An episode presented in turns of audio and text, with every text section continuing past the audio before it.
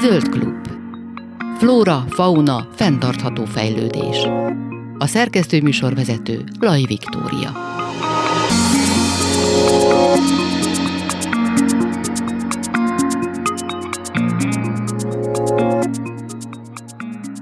Délutánt kívánok, Laj Viktoriát hallják. A mai adásunknak a második fél órájában majd egy különleges kutyasétáltatáson készült riportot hallgathatunk meg. Előtte pedig azzal foglalkozunk, hogy mennyire biztonságosak a száraz macska eredelek, és hogy miről szól a WWF és több civil szervezet legújabb petíciója. Ezzel kezdünk.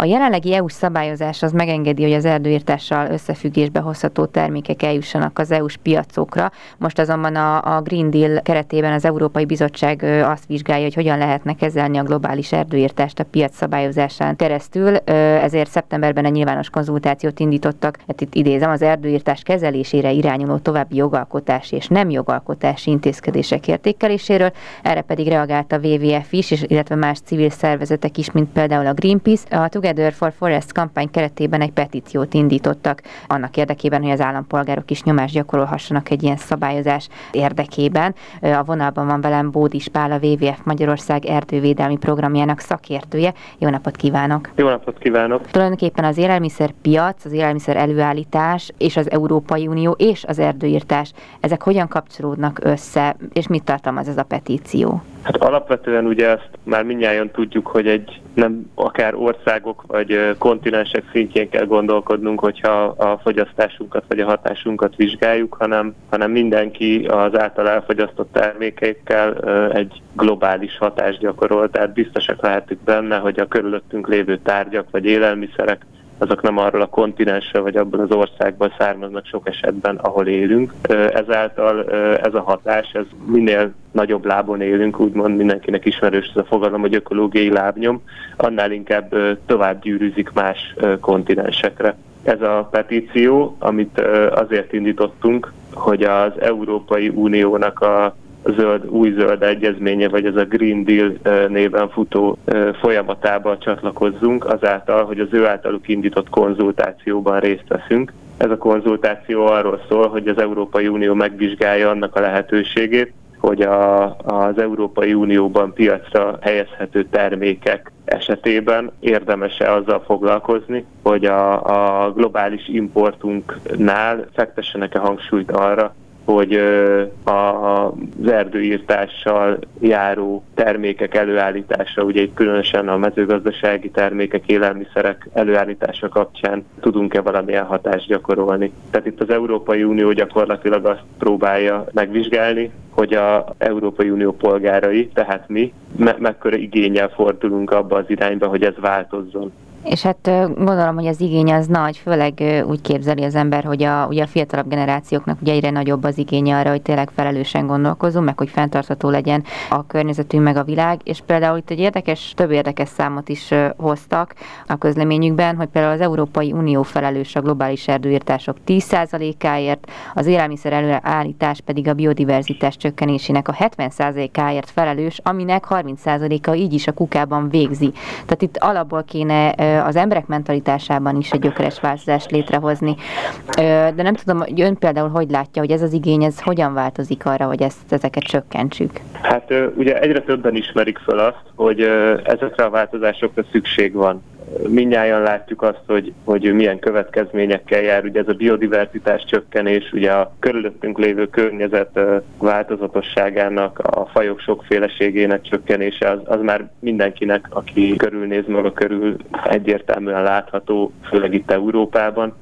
Szerintünk ennek is köszönhető az, hogy ez a petíció a minden korábbi WWF által koordinált Európai Unió szintű petíciónak a a számain túltett, több mint egy millió aláírónál tart már uh-huh. ugye ez a, ez a munka. Azt gondoljuk, hogy ez a, ez a jelentős támogatottság ez nem csak a, a, ügyesen megszervezett kampánynak köszönhető, hanem annak, hogy tényleg egy nagyon fontos témáról van szó. Az, hogy a, az egyének a saját életükben mennyire törekszenek arra, hogy az ő hatásuk kisebb legyen, ugye ön is említette az élelmiszer hulladék csökkentését, vagy akár azt, hogy tudatosabban válasszuk meg, hogy milyen élelmiszereket fogyasztunk. Amellett nagyon fontos az, hogy ezek a törekvések akár jogszabályi szinten is megjelenjenek, és ennek az első lépcsője az a petíció, amivel most az Európai Unió felé fordulunk. És hogyha létrehoznának tényleg egy ilyen nagyon komoly, erős erdővédelmi törvényt az EU-n belül, akkor ez lényegében a fogyasztókra nézve mit jelentene, vagy miben változna meg?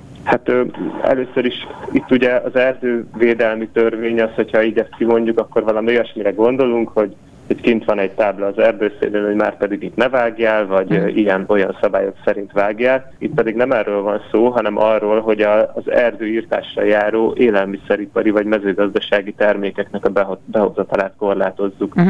Tehát itt az erdőket gyakorlatilag egy közvetett eszközzel próbáljuk megóvni, azzal, hogy az EU egy olyan piacszabályozási eszközt, egy olyan jogszabályt hoz létre, ami utána nem teszi lehetővé azt, hogy az ilyen gazdálkodásból származó termékek bejussanak az Európai Unió piacára. Tehát itt, a, amivel itt fogyasztóként találkozhatunk, az hosszabb távon, akár egy 5-10 éves távon azt jelentheti, hogy mondjuk kevesebb nem fenntartható gazdálkodásból származható élelmiszeripari terméket találunk az üzletek polcán, itt akár lehet szó a, a pálmaolajjal létrehozott számtalan édességről, kekszről, vagy, vagy a, a nem fenntartható forrásból származó kávé vagy kakaó, számos, számos ilyen dolog lehet. Ugye ezekre jelenleg is vannak tanúsítványok, ugye mindjárt ismerünk ilyen tanúsítványokat, Igen. akár a Fairtrade-ről beszélünk, akár egyéb uh, ilyen márka jelekről, amik gyakorlatilag azt garantálják, vagy próbálják garantálni, hogy fenntartható forrásból származik egy termék, de itt nagyon fontos különbség, hogy ez nem egy önkéntes tanúsítás, tehát itt a gazdálkodó nem magától választja azt, hogy ő, ő fenntarthatóan szeretne gazdálkodni, hanem arról van szó, hogy az EU csak olyan terméket fog vásárolni, vagy az EU országai csak olyan terméket importálhatnak, hogyha ez jogszabályi szintre lép, amiknél ezek a kritériumok fennállnak. Mivel, hogy 10%-át adjuk a globális piacnak ilyen téren, ezért ez egy nagyon-nagyon nagy hatású előrelépés lehet, amennyiben elérjük. Egyébként pálmaolaj tekintetében, hogyha ezt el is érik, akkor ez azt jelenti, hogy teljesen kizáródik ez, mint alapanyag, vagy ezt is lehet fenntarthatóan, vagy fenntartható gazdaságban előállítani pálmaolajat, mert hát tudom, az alternatívák sem járnak kisebb ökológiai lábnyommal. Igen, ezt jól látja. Itt arról van szó, nem arról van szó, hogy kizárunk bizonyos termékeket a piacról, tehát ezt nem úgy kell elképzelni, mint mondjuk a az illegális, például a drogok piacát, hogy uh-huh. drogot nem lehet importálni, és akkor kész, és akkor semmilyen módon nem kerül a piacra. Itt egy sokkal egyrészt Ugye, ahogy ön is mondta, van egy, van egy globális piac, ennek vannak szereplői, akár az élelmiszeripari, akár a mezőgazdasági szereplők, akik ugyanúgy érvényesítik a, az akaratukat ebben a témában. Másrészt pedig ez egy működő, nagyon sok embert ellátó, akár eltartó ágazat. Így nagyon fontos az, hogy nem vághatjuk el egy pillanatról a másikra. Ráadásul ugye ezek a pálmafa ültetvények, ahol az olajpálmák vannak, ugye már léteznek, akár ugye Dél-Kelet-Ázsiában, vagy ugyanígy léteznek a szójaültetvények Dél-Amerikában. Uh-huh. Itt inkább arról van szó, hogy ezeknek a további terjeszkedését, vagy azt a, azt a folyamatot lassítsuk, vagy állítsuk meg, ami jelenleg zajlik, hogy a globális természetes környezet további pusztulását megakadályozzuk. Tehát itt gyakorlatilag nem arról van szó, hogy ezen túl nem lehet pálmolajjal készült uh-huh. terméket kapni, hanem inkább arról van szó, hogy, hogy ezeknek a termékeknek a további térnyerését próbáljuk meg, megakadályozni. Ugye ez azért is nagyon fontos, mert a, az ember a történelem során már odáig jutott, hogy a, a globális szárazföldnek az egyharmada az, amit nem módosítottunk, az összes többin valamit tettünk. Ez azért egy elég sokkoló szám, főleg azt tekintve, hogy ahol nem csináltunk semmit, ott valószínűleg csak azért nem, mert az, az nem járt gazdasági előnyükkel. Uh-huh. De például a, a szárazföldi vízes élőhelyeinknek több mint 90%-át sikerült már felszámolnunk világszerte. Hát igen, ebben elég jók vagyunk, hogy így mondjam. Viszont érdekes adatokat találtam arra vonatkozóan, hogy ugye ahhoz, hogy új területeket vonjanak be ezekbe a, a termékeknek előállításába, mint a pálmaolaj, ugye erdőket írtanak nyilván, tehát ez egy nagy probléma az erdőírtás, és hogy 2015 és 2020 között vizsgálta ez a Global Forest Resources Assessment az erdő erdőírtásoknak a mértékét, és azt találta, hogy ebben az időszakban például lassult ennek a, a mértéke, vagy mi például Brazíliában 2003 és 10 között a felére csökkent az erdőírtás, addig például Indonéziában a duplájára nőtt. Tehát, hogy ez egy folyamatosan változó dolognak tűnik így laikusként, de hogy vajon az, el, az elsőként említett ö, csökkenő tendencia az adhat -e reményre okot, vagy ezeket igazából teljesen máshogy kell kezelni, tehát hogy bizonyos periódusokban hogyan nő vagy csökken éppen az erdőírtás mértéke? Hát ugye ezek a folyamatok, ezek nagyon-nagyon pontosan lekövetik a, a gazdaságossági mutatókat. Uh-huh. Tehát, hogyha valami nem lesz gazdaságos, valami nem éri meg, akkor nem fog folytatódni. Ugye pont itt az előbb is erre tértem ki, hogy valószínűleg a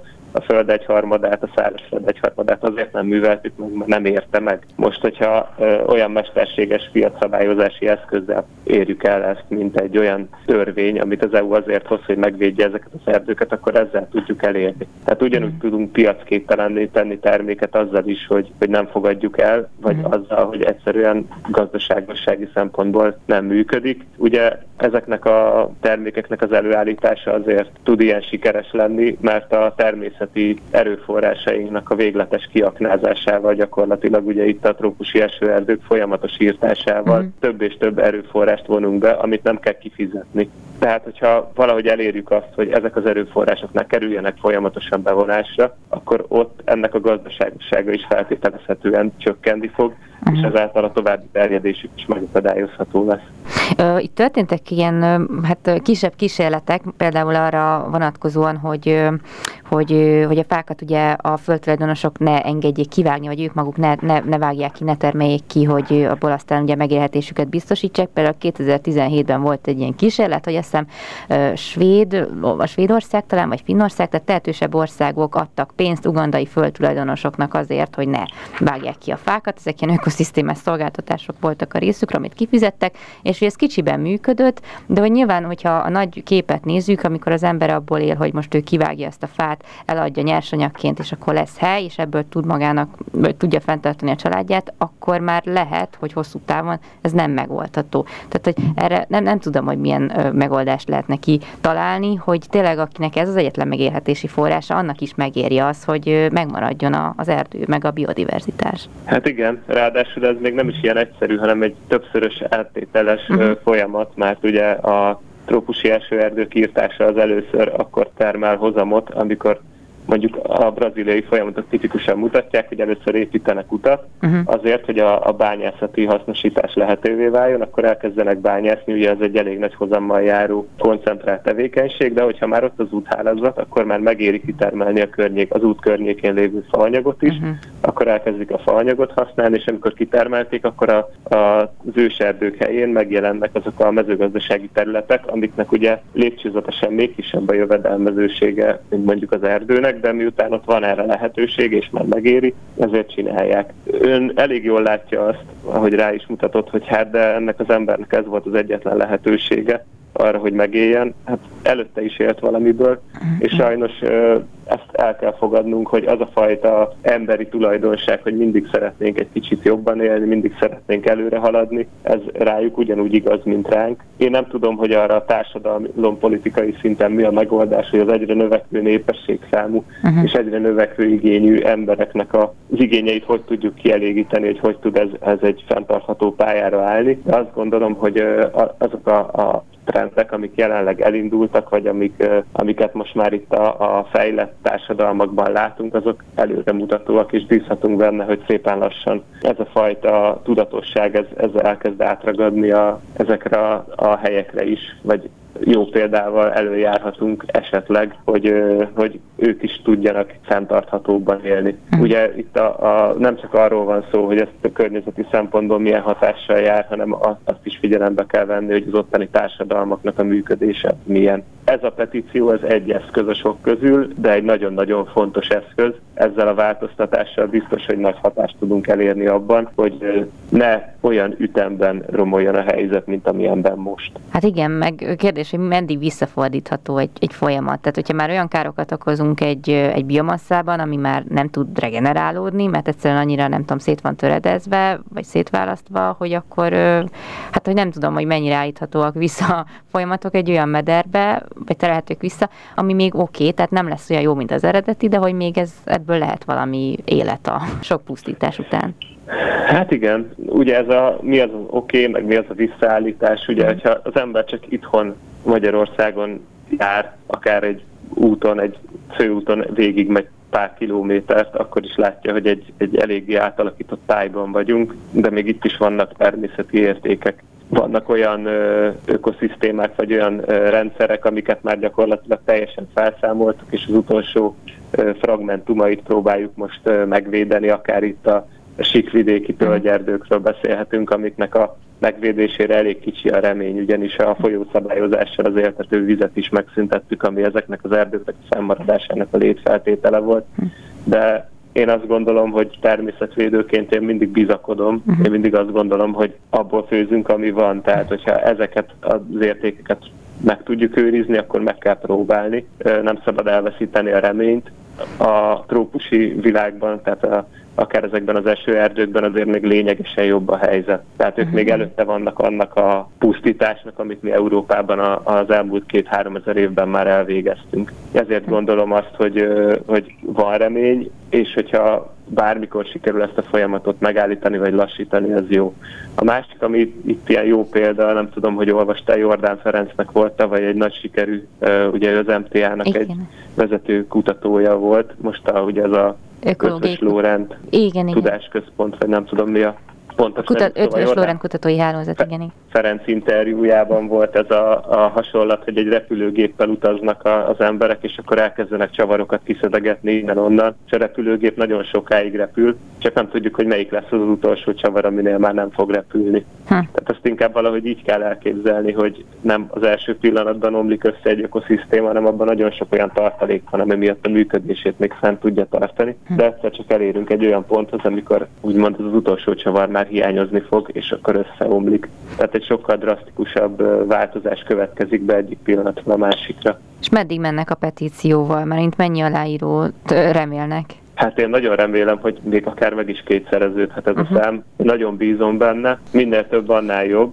Magyarországon egyébként elég nagy sikerrel fut ez a petíció. Európai Unió országai között uh, lakosságarányos összehasonlításban a negyedik helyen vagyunk, uh-huh. uh, és még akár december 10-ig ugye akár a mi helyünk is javulhat ebbe, de tényleg én abban bízom, hogy, hogy minél nagyobb erőt tud mutatni ez.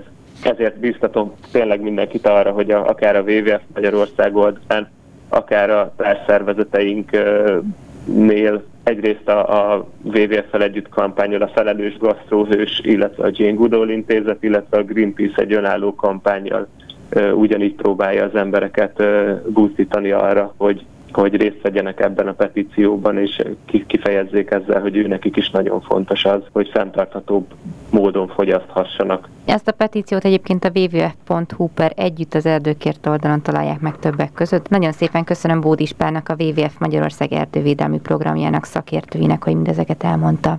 Köszönöm, hogy itt lehettem.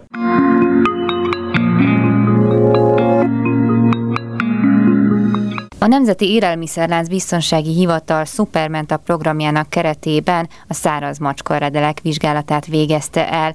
42 tesztelt termékből 18 nem felelt meg az előírásoknak. Erről beszélgetek dr. Pleva Györgyel, a Nébih élelmiszer és takarmánybiztonsági igazgatójával. A Nébih Supermenta teszt sorozata, az ugye próbáljuk a Nébih feladatkörében a teljes élelmiszerlánc termékeit felderíteni és a vásárlók számára nyilvánossá tenni a különböző érdekességeket. Most ebben a tesztben, amikor a száraz macska eledeleket vizsgáltuk, a szokásos menetrendet követtük, tehát mindenféleképpen takarmánybiztonsági szempontokat figyeltük meg kötelező jogszabályi minőségi előírásokat, és ezen kívül azt, amit a gyártó a termék összetevői között a feltüntetésen vállalt, vásárlót nem lehet félre tájékoztatni, tehát a jelölt mennyiségeket és a jelölt anyagokat meg kell találni az adott tárban, és végülis ebben a tekintetben végzett vizsgálatok egész jó eredményt hoztak, kisebb eltérésekkel a macskatápok megfeleltek az előírásoknak. Természetesen nekünk az a feladatunk, hogy minden eltérést, minden szabálytalanságot jelezzünk a gyártó felé, és kiköveteljük tőle a normál mennyiségek jelenlétét. Mi történik, hogyha egy termék nem felel meg bármilyen szempontból? Ez úgy szokott történni, például élelmiszerbiztonsági, takarmánybiztonsági paramétereknél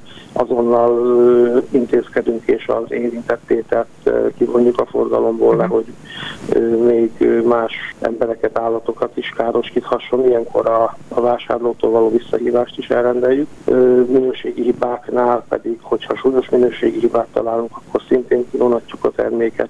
Ha enyhe, kisebb jelentőségi hibát találunk, akkor pedig egy intézkedési tervet kérünk, amiben a gyártó jelzi, hogy milyen határidővel tudja ezt végrehajtani, és ezután természetesen visszaellenőrzés is következik. Természetesen értelmezhető időtartamokat várunk el, tehát mondjuk egy hónap, uh-huh. két hónapon belül mindenféleképpen meg kell jelentni a javított terméknek, vagy a javított jelölésnek.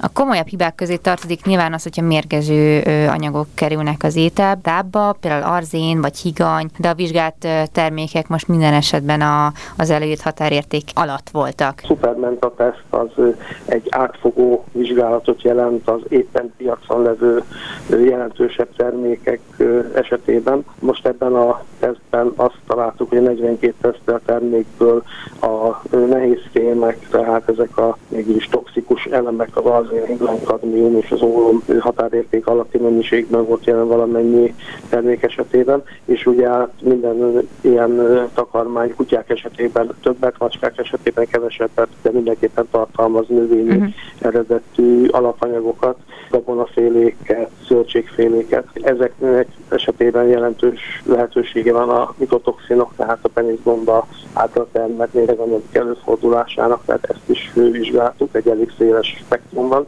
de a tápok ebben is jól vizsgáztak, és határérték felett nem tudtunk kimutatni bikotoxinokat sem. Így az élelmiszerbiztonsági paraméterek tekintetében teljesen jól végzett a mezőnk. És hogyha tényleg minden szempontból megfelelő terméket akarunk, akkor igazából mit kell figyelembe vennünk a, a, a táp kiválasztásakor? Nagyon fontos, azokat a tápokat teszteltük, amelyek teljes értékűek, tehát normál fogyasztás mellett természetesen az immobil biztosításával ezek a tápok teljes mértékben biztosítják egy állat teljes tápanyag igényét. Ebben ugye szerepelnek a, a makro tápanyagok, tehát fehérje, zsírszénhidrát, és a mikrotápanyagok, különböző vitaminok, ásványi anyagok, egyéb biológiailag hatékony anyagok. Tehát, hogyha valamelyik anyag ebből jelentősen kevesebbet tartalmaz, akkor már nem nevezhetjük azt a tápot teljes értékűnek, mert akkor e, valamelyik anyag bevitele hiányt fog jelezni, és éppen ezért ezeket a paramétereket vizsgáltuk végig a teszt során. Erre vannak kötelező érvényű előírások az Európai Állateledel Ipari Szövetség ajánlásait tulajdonképpen kötelező érvényűként fogadjuk el, a gyártókat is be kell tartani. Ezek az előírások például a nyers fehérje, nyers rost, nyers hamu, nyers zsír tartalmat írják elő, paraméterezik, tehát milyen mennyiségben kell előfordulni, aminosav összetételt vizsgáltunk, makroelemek, mikroelemek jelenlétét, ADE vitamin jelenlétét is ellenőriztük, illetve még a zsírsav összetételben az omega-3, omega-6, EPA és a DHA zsírsavak jelenlétét is külön vizsgáltuk, és ebben a vizsgálat sorozatban azért már találtunk bőven hiányosságokat, uh-huh. ez is okozza azt, hogy végig 18 esetben kellett eljárást indítani. Úgy értékeltük, hogy ez egy átfogó teszt, és olyan súlyú hiányokat nem találtunk, uh-huh. ami egyelőre bírság kiszabására adott volna indokot, de az eljárások még folyamatban vannak, és még a különböző kiegészítő dokumentációkat is várjuk a előállítóktól, forgalmazóktól, hogy ez még nem végleges állapot.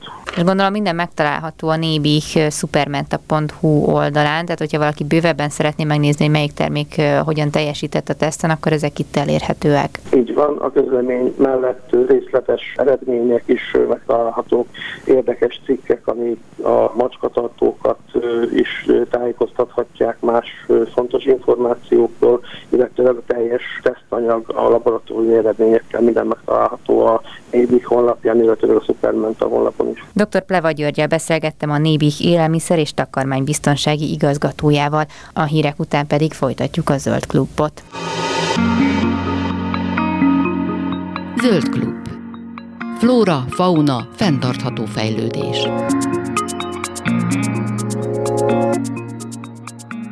Szombat délután a hajógyári szigeten kis és középtermeti kutyák csoportja jelent meg. Persze nem egyedül, hanem kiki a gazdájával, vagy ideglenes gazdájával érkezett, vagy inkább a gazdik velük, hiszen kutyából több volt, mint emberből. Ez alapból sem mindig baj, de vírus idején meg pláne, de a fennálló helyzetnek megfelelően a gazdik maszkban indultak neki a hagyományos morzsa sétájuknak. És hogy mi ez a morzsa séta? A morzsa néni nevű kutyus élete nagy részét egy menhelyen vegetálva töltött el, amíg végül örök gazdit nem talált magának. Róla nevezték el a morzsa lakást, ami egy olyan szerveződés, ami úgy segít a menhelyen élő kutyákon, hogy átmenetileg befogadja őket, illetve ideglenes gazdiknál helyezik el a kutyákat, amíg meg nem találják az örök gazdájukat. Természetesen sok ideglenes önkéntes bukja el idézőjelben a feladatot, és lesz a tényleges gazdája a nála táborozó kutyának, de a morzsalakás csapata mindent megtesz azért, hogy minden általa védett kutya végleg megtalálja az otthonát. A szombati sétán engem is vendégül láttak, amin az önkénteseken kívül részt vett Kleckner Tímea, a morzsalakás alapítója és morzsanéni gazdája, valamint Polacek Krisztina, a morzsalakás egyik oszlopos tagja, aki két tacskójával és kisfiával együtt jelenleg Tibád ideglenes gazdája. Az ott készült beszélgetést hallgatjuk most meg.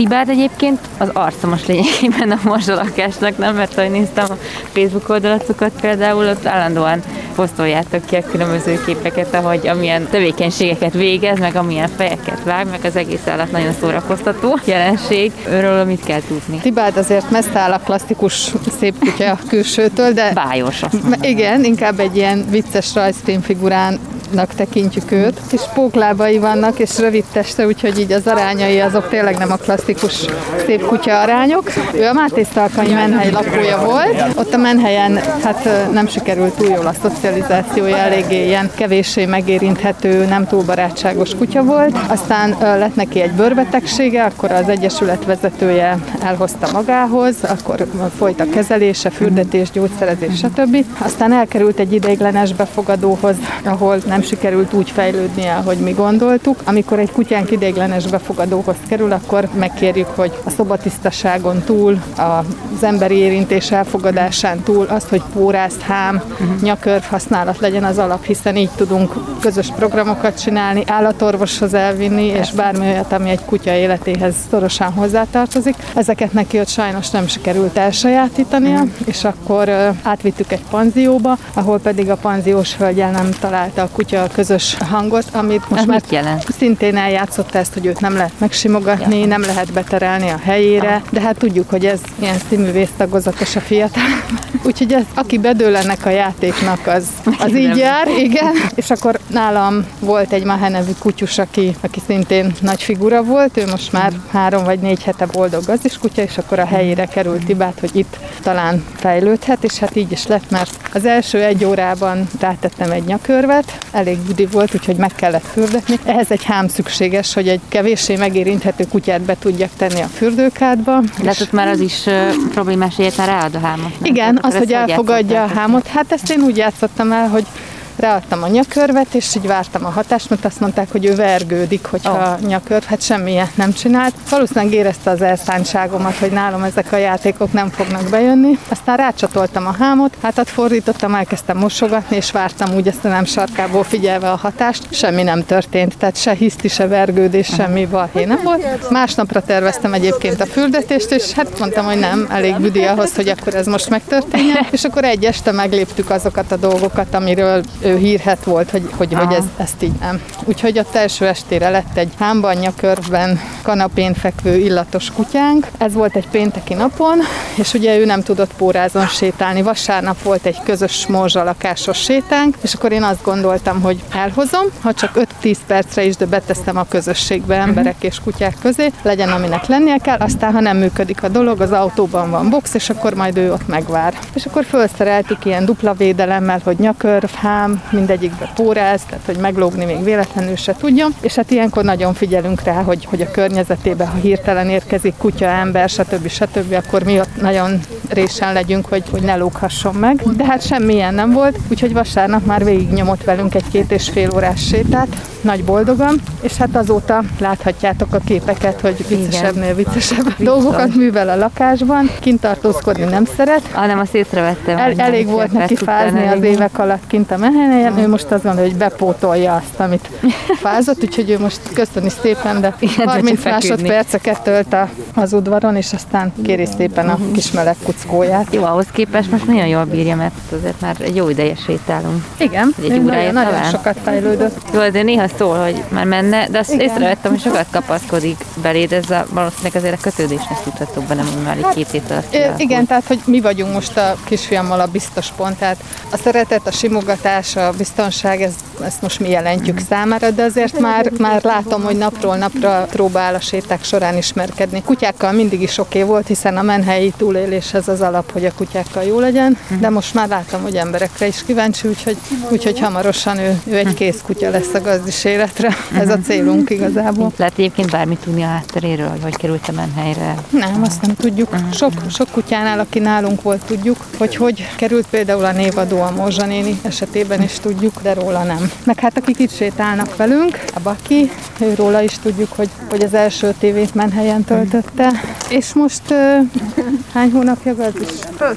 Öt, öt hónapja gazdi. Aha. Úgyhogy azóta már kutyaiskolát végzett, és éli egyelőle a belvárosi boldog kutyák életét. Jó, ó, és egy nagyon komoly úriember egyébként. Büszke. Nagyon büszke pózban ül a hajógyári szigeten, ugyanis az egész hajógyári sziget az övé. Én meg nem mondanám róla, hogy ő, ő menhelyi volt, mert hát, annyira szépen viselkedik. Hát Laura tudna mesélni, vagy a Timi, hogy honnan indultunk. Nagyon messzire, még nem vagyunk sehol. De miért mondod, hogy olyan szépen Nem játszik például még egyáltalán. Nagyon ritkán találkozik olyan kutyával, aki nagyon szimpatikus neki vele, kicsit futkároznak. Aha. Meg emberekkel most már nagyon barátságos, de az elején ez is egy-két hónapig nem mert senki oda menni, csak hozzánk. De még a kutyákkal való szocializáció ez nagyon rossz. Hát ugye ők a menhelyen egymás mellett kellett, hogy valahogy éljenek, és hát a nagyobbak biztos bántották a kisebbeket, vagy, a, vagy ők túl dominálták, és azért a kutyákkal való szocializációja az elég lassan halad, de napról napra jobb. De most például majd napközibe fog menni, mert annyira függ tőlünk, hogy nem mer nyitni más kutya fele, és akkor arra gondoltunk, hogy ha, ha nem vagyunk ott vele, akkor lehet, hogy kicsit bátrabb lesz a többi kutyával. Tehát akkor nem ideiglenesen fogadtad be először, Nem, mi már az örök, mire az örök gazdik vagyunk. Igen. Nem is gondolkodtál rajta, hogy ideiglenes légy? Leszünk, az a terv. Nem, először mindenképp saját kutyát szerettünk volna, meg igazából nem is voltunk tisztában ezzel az ideiglenes örökbefogadás intézményével. Aha. Viszont hát a Baki megtanított minket arra, hogy ez mennyire jó dolog, úgyhogy uh, hamarosan szeretnénk elköltözni, úgyhogy ha olyanok lesznek a körülményeink, akkor biztos, hogy, uh, hogy majd szeretnénk a morzsalakásnak uh-huh. is segíteni. Mindig jöttek sétálni? Amikor tudunk, de igen. De akkor ez rendszeres, nem? Tehát, hogy a kiket már... Séta? Aha, a morzsa séta, akiket már ideigleneseknél örökbe fogadók Igen, a, ha nincs Covid, akkor hát, minden ja. hónapban jó előre meghirdetünk egy közös sétát, ez általában hónap első-második vasárnapján szokott lenni, és akkor ezen a sétán részt veszünk az épp aktuális gazdikeresőinkkel, mindig valakit keresünk a póráz végére, hogyha épp nem ideiglenes gazdinál van a kutyus. Jönnek a, a volt védenceink, akik már boldog gazdis kutyusok, és akik szimpatizálnak a morzsalakásra, úgyhogy most már egyre többen sétálunk, úgyhogy ez mindig nagyon jó hangulatú, főleg a kutyák nagyon élvezik. Mert... Nagyjából egy méret mindenki. Igen, hogy kicsi és kis közepes méreteket. Koncepció? Tehát Igen, koncepció, hát ez, ezek a mi gyengéink. A Baki gazdis, de a többiek ideglenes? Nem, a Baki gazdis, a kis fekete ruhás Luna. Luna, ő, ő Moon, ő is a mi kutyánk volt, ő ráadásul nálam idéglenesezett, úgyhogy azért volt ez a nagy öröm, amikor nem nekem örült, hanem a kutyáimnak. Nekem is, de nekem is, nekem is örült. Hát Morzsa néni, ő ugye a névadója Igen. a kis szerveződésünknek, Dimitri ő gazdit keres, Simon is, ami kutyánk Ő a Simon, volt. a kis szürke. Nem, ő De, az ja, bocsánat, kutyám. ő kutyád, jó. Simon, a kis kócos közepes ott a, ja, jó, jó, annál a családnál, aki okay. három kutyával sütött, a közepes a. Ja. Ő Simon, neki az a története, hogy ő a menhelyen egy balhéba keveredett. Sajnos a menhelyen egy kenelben sokszor több kutya van, mint amennyi ideális lenne, uh-huh. és hát ők rendezik a rangsort maguk között, és néha a rangsor az, az csúnya balesetekbe torkolik. Neki például nem maradt füle. Simonnak a koponyájának egy részéről hiányzott a bőr, meg a füle. Ő nagyon sokáig orvosi kezelés alatt állt. Uh-huh. Aztán idéglenes befogadóhoz került, de már az idéglenes gazdiai, amíg kórházba volt, akkor is jártak hozzá két naponta kis oh. falatokkal vigasztalgatni a kis lelkét, és aztán hát az idéglenes befogadói bebukták, úgyhogy, úgyhogy ő már onnan nem költözött sehová, de a füle nem nőtt ki. Nem, de a halás az nem sérült meg. Nem, az nem, de teljesen nem. jó, de azért ő is még kicsit fenntartással kezeli a hm. dolgokat. Igen, mit láttok rajtuk már, mint amikor nyilván elhozzátok, van egy megjelenése az állatnak, már a népen, de hogy ez így mikor kezd el változni? Hú, ez nagyon változó. Van olyan kutya, akinek egy-két nap után leesik a tantusz, hogy ú, becsöppentem a tutiba, és innentől kezdve már csak jó jöhet. És van olyan, akinél így, például az előző idéglenes kutyánk 5 hónapig volt nálunk, és majdnem a harmadik hónap után esett le neki a tantusz. És akkor kezdett el boldogan sétálni, emelt farokkal, akkor kezdett el barátkozni. Aha előtte senkivel, se kutyákkal, se emberekkel nem volt nagy barátságban, és ott láttuk a tekintetén, hogy egyik napról a másikra, hogy mi történt, nem tudjuk, mert mindent ugyanúgy csináltunk, mint addig. Ugyanúgy élt, ugyanannyi szeretetet kapott, ugyanannyi törődésben, sétában volt része, és egyszer csak egyik pillanatra a másikra így rájött, hogy az élet szép, és aztán most már azóta ő is boldog gazdis kutya. Nem tudom, hogy ezt függ olyannal, hogy mondjuk, hogy hány évet töltött a Kármenhelyen, vagy volt-e már olyan élménye, hogy vissza visszautasították, vagy kidobták, visszavitték esetleg a menhelyre, ezek lehet, hogy... Hát egyrészt mindent nem tudunk, ugye? Hát igen. Sok mindent tudunk, de mindent nem. De nem csak ezen múlik. Kutyáknál is, mint embereknél a saját kis habitusuk, természetük, hogy mennyire bátrak, nyitottak, igen. mennyire merik elhinni, hogy, hogy most már ezután tényleg jó. Igen. Csak jó jöhet. De nagyon érdekes de szeretjük ezeket a folyamatokat végigkísérni nagyon, mert, mert hát ezért csináljuk. Nem tudom, megterhelő lehet mert nem az megterhelő, hogy maga ez a folyamat, mert ez nyilván jó, csak azért beleérezni ezeknek az állatoknak a helyzetébe, hogy honnan kerültek elő. Azért az ember elképzeli, hogy mégis mind mehet keresztül, hát és igen. hiába van előtte, hogy jót akarsz, meg hogy jó lesz neki, de azért Hát igen, itt, itt sokan sokfélék vagyunk, itt többen járnak lemenhelyre segíteni, takarítani, festeni, kutyát sétáltatni. Én személy szerint ezt nem tudom, mert mm. akkor hetekig szerintem nem aludnék, meg ezeket a könyörgő, síró kutyaszemeket látnám. Mi úgy tudunk segíteni, hogy tápot gyűjtünk, idéglenes gazdik vagyunk, szervezzük itt a morzsalakásnak az életét, aminek a, a motorja Timi. És amikor meg, vagy elkezdtétek ezt az egész tevékenységet, akkor igazából hogyan szereztetek idegleneseket, gazdikat, tehát hogyan tudtatok elérni embereket, mert gondolom azért semmiből ez, ez nehéz, vagy mert alapból voltak kapcsolataitok? Az első ideiglenesek gyakorlatilag mi magunk voltunk, uh-huh. illetve az ismerőseink. Először egy panzióban helyeztünk el az első induló csapatot. Úgy indultunk, hogy morzsának a, a múltja tudható volt. Tehát ő éveket élt egy menhelyen, és arra voltam kíváncsi, hogy, hogy hol is volt ez, milyen volt az a kanál, illetve hogy most lakják éppen uh-huh. az adott kenelben kik és első körben őt kezdtük el, őket kezdtük el hirdetni. Nyilván egy kutyára készültünk, hárman lakták, tehát három kutyának kerestünk. Okay. Aztán kicsit változtak ezek a szempontok, és, és valójában az, ami nagyon megmaradt így fő, főcsapásnak, az az, hogy az évekre beragadók ö, lettek a főválasztásaink. Marzsa hat évet volt állatvédelmi gondozásban, tíz évesen fogadtam örökbe, tehát az ő élete nagy része az, az, az, az vegetálás volt. Elkezdtünk máshonnan is keresni, de ez valahogy megmaradt, hogy akik akik régóta várnak, kevésbé kelendőek, nem a legcukribbak, nem a legszebbek, legfiatalabbak, hanem akik, akikre tudjuk, hogy nem jutnak el az érdeklődők. Annyira sok kutya él menhelyeken gazdik nélkül, hogy azok, akik kicsit idősebbek, kicsit keverékebbek, feketébbek, hozzájuk nem, nem nagyon jutnak el a, az érdeklődők. Itt belőlük válogatunk, főleg ez lett a a főválasztás az ideiglenes befogadókra visszatérve pedig azon túl, hogy, hogy van egy ilyen párfős csapat, akiknél mindig tehát forgóban jönnek mennek kutyák, szoktunk keresni is, tehát teszünk ki időkereső posztot, és egészen, egészen megdöbbentően szuper emberek sodródnak be a csapatba, akár egy-egy kutya befogadása erejéig, de van, aki, van, aki később gazdi is lesz. Igen, igen, gondolom, hogy ez azért nem egyedése. Megesik az ilyen. Kicsit az indulásnál ezt így nem láttuk, hogy, hogy mik a kapacitásaink, tehát hogy csak annyiban gondolkodtunk, amennyit mi magunk le uh-huh. tudunk fedni. Most azért már panziós segítséggel is, B-tervekkel, az oldalunkra jelentkező ideiglenes befogadókkal azért már, már picit jobban tudunk mozogni, picit többet tudunk vállalni. Uh-huh. De ettől még még van egy plafon. Annyit vállalunk, amennyi, amennyi kutyáról tudunk úgy gondoskodni, hogy személyesen is ismerjük őket, részt tudunk venni a szocializációjukban, illetve a gazdásítási folyamat is igényel személyes találkozást, házhoz viszik őket. Tehát azért a, a fő, fő időtöltésünk néha, néha ez, hogy érdeklődőkkel sétálgatunk a szigeten, illetve utazgatunk ide-oda.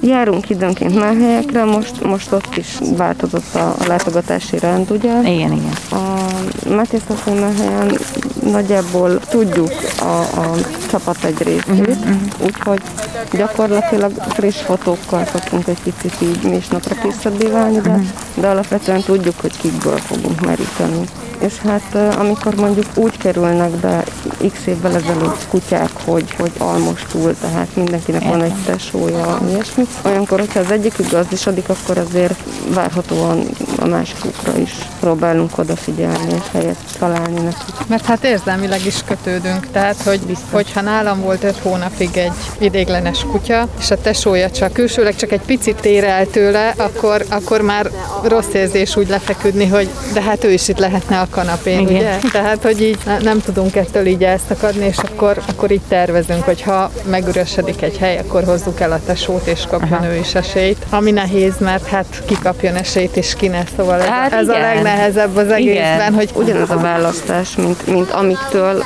ott maradnak adott esetben évekre Persze. a kutyák. Ezt sokszor megalapítottuk, hogy egy csomószor az a kutyák szerencséje, hogy ideiglenes befogadóhoz kerülhetnek, hogy érte őket valamilyen szerencsétlenség. Tehát hiába tervezünk, és gondoljuk azt, hogy egy tesó után jöhet a következő, hogyha van valami SOS helyzet, akkor ott mindig borul. Tehát, hogyha ideiglenes befogadókat kell váltani a kutyának, mert valamiért gond van, vagy nem maradhat, vagy egy balesetes kutya kerül föl, akkor értelemszerűen azért ő prioritást élvez.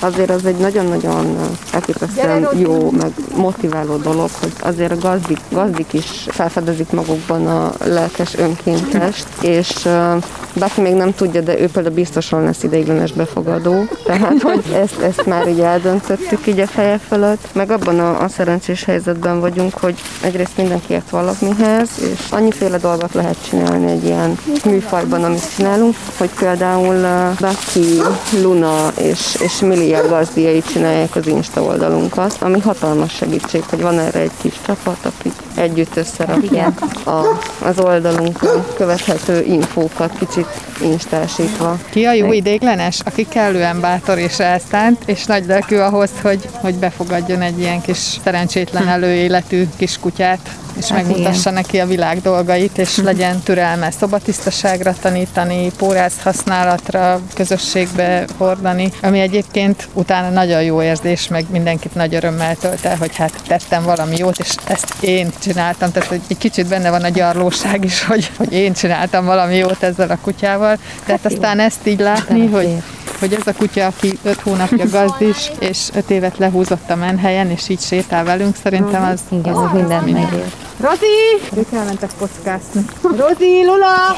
Hát egyébként nem féltek, hogy mondjuk a home office miatt szeparációs stressz alakul ki a kutyákban? Akár ideiglenesnél? Vagy Erről sokat beszélgettünk Timivel itt az első hullám végén, hogy, hogy azok a kutyusok, akik ugye a menhelyről kikerülve bekerültek a gazdis életbe, vagy az ideiglenes életbe, és egyszer csak mondhatni 0-24-ben ember közelében voltak, és hogy mi lesz aztán. És minden tőlünk gazdisodott kutyát, vagy éppen aktuális idinél lévő kutyánknak a gazdiát megkértük, hogy, hogy azért többször hagyja magára. Ha más nem menjen ki a lakásból, áldigáljon olyan messzi a bejárati ajtótól, hogy a kutya ne realizálja, hogy ő ott van, és jöjjön rá a kutya, hogy akkor is minden rendben van, hogyha nincs ott a gazdi, és a gazdi vissza fog jönni. De ha mégis ilyen van, akkor azért segítünk. Egyébként az idegenes befogadókkal itt van egy csoportunk, meg van egy, van egy szoros kapcsolattartás, egy ilyen egészen rendszeres kommunikáció.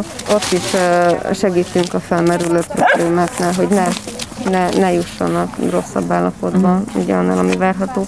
A legelején egyébként ezeket meg lehet fogni. És Tibádból nem lesz örök kutyus nálatok? Nem, ezt fölteszik gyakran ezt a kérdést. Csak már úgy összeillet. Köszönöm szépen. Ezt én minden ideiglenes kutyámnál megkapom, főleg aki sokáig van, de nem lesz, mert mi így tudunk segíteni. Szóval ez egy döntés. Persze a tizen sok kutyából voltak szerelmek, mert hát mindegyik kutyát megszeretjük, meg aranyos, meg cuki, de és amikor szerelmek vannak, akkor hát akkor van sírás, meg, meg mindenféle. A kisfiammal vagyunk egymás kontrolljai, mert amikor ő szeret bele egy kutyába, és mondja, hogy tartsuk meg, akkor én nem. Mi ezt eldöntöttük, hogy nem, és amikor fordítva, akkor ő. És persze volt olyan, amikor az egyik kedvencünket adtuk örökbe, és már tudtuk, hogy közeleg az örökbeadás, és, és akkor mindent megkaptam, hogy anya, te áruló vagy, neked oh. nincs szíved, és elhitetted vele, hogy ő a mi kutyánk, csalódtam benned, és nem tudom, ő fönt sírt az emeleten, én lent sírtam, de hát... Szalavi. Igen, itt nagyon keményen kell a szívnek parancsolni, hogy Igen. nem, nem, nem, nem majd tartjuk meg, örökbe adjuk, mert ezt akartuk, és így tudunk még sok kutyának segíteni. Tehát, hogyha bebukjuk, akkor akkor nem, de hát itt a, a bebukás. A bebukás. A bebukás. Edinával kell beszélgetni. Nekünk volt egy 15 éves kutyánk, és miatta nem idéztünk, és utána jött bajnok, aztán bajnok után Tonkin, aztán Simon. Ő nagyon félt meg, nagyon össze volt törve, nagyon súlyosan sérült volt. Oda nem is tudom, milyen gazdi jelöltnek kellett volna jelentkeznie. Úgyse tudta volna senki jobban csinálni, mint mi Ez nem is kérdés. Egyébként tervezünk egy jótékonysági színházat ezekből a sztorikból, tehát már ott tartunk, hogy és ti fogjátok alakítani. Laura vállalta ezt a Igen, tehát az, hogy művész úr most rajtad mancsol, ez, ez, ez nagyon nagy dolog, mert ő így nagyon, nagyon kevés embernek a közelségét fogadja el. Vagy úgy érzékeli, hogy most miattam állunk, és így akarja jelenteni, hogy húzzunk már arra. Ez nem lehet. Mind meg vagyunk, igen. Jó van, Tibet. Ó! Azért másnak Dimi. is van véleménye a témában. thank you Az előző percekben Kleckner tímeával, a Morzsalakás alapítójával, Polacek Krisztinával, a Morzsalakás oszlopos tagjával és a Morzsalakás önkénteseivel, segítőjével beszélgettem. Érdemes egyébként felkeresni a Morzsalakás Facebook oldalát, ahol az összes örökbefogadható kutyusról látnak képeket, információkat, és hát nem utolsó sorban meg lehet nézni Tibád Díjas alakításait is a különböző posztokban. Ezzel pedig a műsor végéhez értünk. Köszönöm az egész órás figyelmüket, és további kellemes rádióhallgatást kívánok. Laj Viktóriát hallották viszont hallásra.